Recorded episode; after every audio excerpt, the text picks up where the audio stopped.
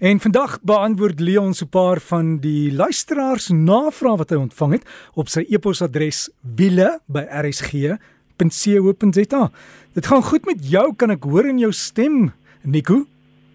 Ja, Derek, dit gaan baie goed. Dis uh um, ek het 'n lang naweek gevat. Ons gaan binnekort gaan ons bietjie weg. So ek sien uit daarna, so dit gaan baie goed. Ja, maar jy het uh, hoeveel hoeveel navrae daar gehad? 26. Jy kan 3 antwoord vandag, Nico. so kom ons spring vinnig in die 3 vrae in. Die eerste vraag, ehm um, is iemand vir my gevra, hulle verstaan kan ehm um, dat mens net een band kan vervang wanneer jy 'n vierwiel aangetrewe voertuig het. Ehm um, So die die die teorie met met die hoofvoertuig werk natuurlik is dat die bande ehm um, ehm um, word egalig werk af, maar omdat 'n voertuig 'n ewenaar het, wat 'n ewenaar doen of 'n dif, is dit laai een wiel as jy om 'n draai gaan, kom ons sê jy draai byvoorbeeld links, dan draai jou buitewiel meer as die binnewiel. So hy doen meer rotasie. So ewenaar laat toe vir daai verskil in rotasie.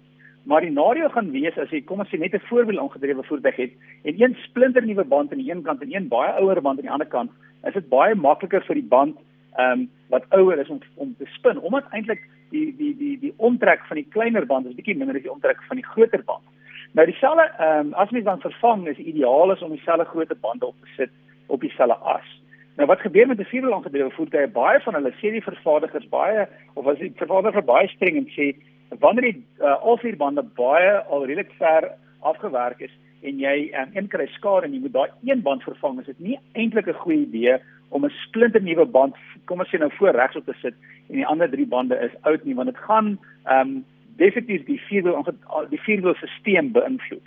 So jy's eintlik reg dat ehm um, jy moet dan al vier bande vervang op 'n permanente vierwiel aangedrewe voertuig wanneer die drie of wanneer hulle almal oud is en jy het een nuwe band nodig. As jy nie seker is nie, is die beste maar nog steeds om vir die vervaardiger te vra dat hulle vir jou ehm um, beter dier detail daaroor kan gee.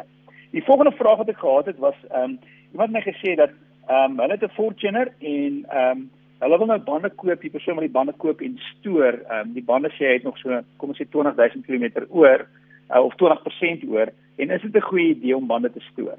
Nou, mense moet maar besef dat bande het 'n rak lewensduur soos enige ander uh, rubberproduk en um, die lewensduur hang natuurlik van die bandvervaardiger af.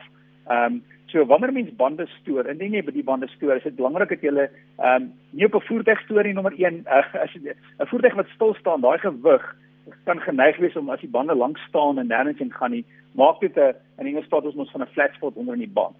So, as jy die bande stoor, as jy die bande wil koop, as dit iets is wat jy wil doen, 'n droë plek is is baie goed. Ehm um, nat beton is seker die slegste plek waar jy dit kan kan stoor. So as jy dit ergens op 'n droë plek kan stoor, ehm um, sien nou maar op 'n rak ergens en dan sal ek die bande plat neersit met ander nie soos hulle op die voertuig lê nie maar plat neersit op mekaar en ek sal gereeld miskien nie die bande ruil as as jy die bande nou wil koop want die persoon sê weet jy wat moontlik is die bande nou goedkoper as oor 'n jaar is oor 'n jaar of 2 jaar.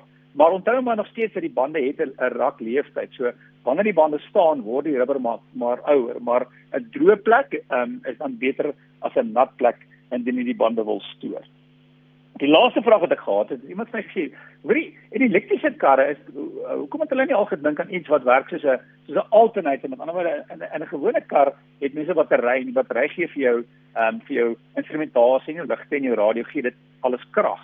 Maar hy trek baie krag so wanneer jy dan ry, ehm um, wat 'n alternator in 'n voertuig doen, ehm um, hy laai weer die battery. So die battery word nooit pap nie want ehm um, jy gebruik die energie in die battery maar die alternator laai die battery. Nou vir 'n elektriese motor moet mens eintlik 'n uh, die verskil maak in twee en sê alle elektriese motors werk om by dieselfde manier. So die instrumentasie, jou ligte, jou radio, dit alles werk van 12 volt stelsel af. In ander woorde, dit werk soos enige ander kar. En dan die ander battery, die groter battery, dink eintlik daaraan as 'n brandstoftank en nie as 'n battery wat ook jou elektriese komponente ehm um, wat hulle gebruik. Maar anders is eintlik twee elektriese stelsels. Een vir die komponente wat 'n gewone 12 volt stelsel is en een wat dan hoë stroom is vir vir jou battery. Maar eintlik werk 'n elektriese kar al klaar so. So 'n elektriese motor, ehm um, wanneer jy versnel, dan gebruik jy die energie in die battery uh om jou motor vorentoe om elektriese motor te draai en dis wat jou jou beweging gee, jou versnelling gee. En dan wat gebeur is sodra jy baie meeste van die elektriese voertuie as jy die die petrolpedaal los, dan draai dan dan werk jou elektriese motor soos 'n dinamo. Met ander woorde, die energie wat die wiele wat draai, draai die dinamo of elektriese motor, maar nou is die polariteit andersom. Met ander woorde, hy werk so alternator, hy sit energie terug in die battery. Ehm um, of selfs baie voertuie ook as jy dan rem.